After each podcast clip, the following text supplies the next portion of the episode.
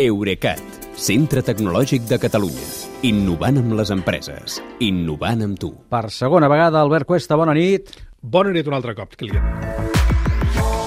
Per ara parlarem de coses menudes, del menut, eh? el segon nanosatèl·lit català que se n'anirà cap allà dalt el 6 de desembre des de Cap Canaveral.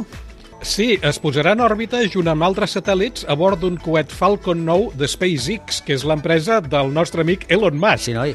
Uh, com dius, aquest menut, que per cert és el nom que li van posar els nens i nenes del Super 3, és el segon satèl·lit fruit de l'estratègia New Space del govern de la Generalitat.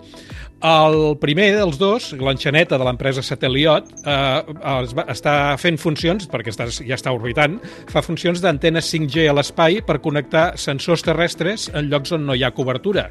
En canvi, aquest nou menut és un satèl·lit d'observació de l'empresa Open Cosmos i captarà imatges de la Terra amb una resolució de 5 metres per píxel, que és molt, sí. i prioritzant, a més, les de Catalunya, perquè qui, ho ha, qui ha pagat la posta en marxa és eh, el govern, sí.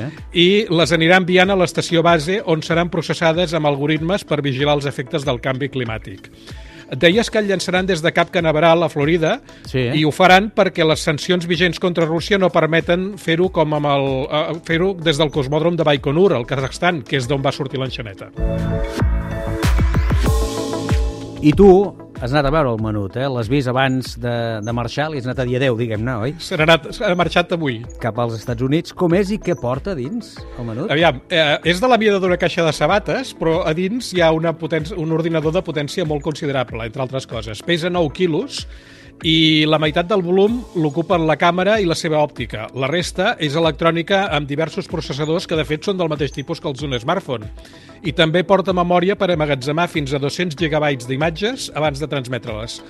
Un cop en òrbita, desplega unes plaques solars que li proporcionen una potència de 100 watts per alimentar tot això i el període inicial de servei són dos anys, que és el que fixa el contracte que tenen amb l'Institut d'Estudis Especials de Catalunya, però també es contempla l'opció d'allargar-ho dos anys més. Per cert, parlant de contemplar coses, es contempla que hi hagi, després del menut, més satèl·lits catalans? Ja els hi posarem nom, si convé, però n'hi haurà més?